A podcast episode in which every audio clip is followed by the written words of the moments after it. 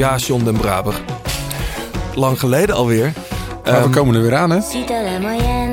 we gaan, eh, zoals je van ons gewend bent, eh, weer lange en mooie gesprekken opnemen voor, eh, voor bij het haardvuur. Tenminste, die kun je dan terugluisteren in de, in de koude wintermaanden. Ehm, Mooie namen. heel veel mooie namen.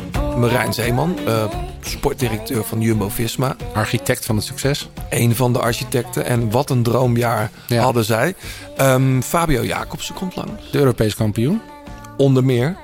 Eh Misha Bredewold komt langs. Dat zegt misschien niet iedereen iets, maar dat is een toptalent. Eh, die rijdt volgend jaar, fietst zij voor SD Works. Ja, en een rit gewonnen in de, in de Ladies Tour. Dus Zeker weten. Ehm Nicky Terpstra komt langs. Dan zou je zeggen, huh? die is toch gestopt? Hmm, dat, is, dat zit iets genuanceerder. Ja, Eh, vriend van de show. Hij was lang geleden bij ons te gast. En je hoort hem ook altijd in onze openingstune.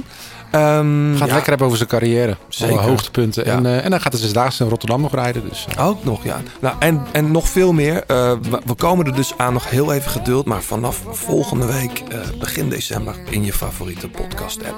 tot dan. En oh ja, mocht je nog vragen hebben voor Nicky Terpstra of Fabio Jacobs of Misha Bredewold, laat het ons weten via Instagram of eh, Twitter even John, de grote plaat.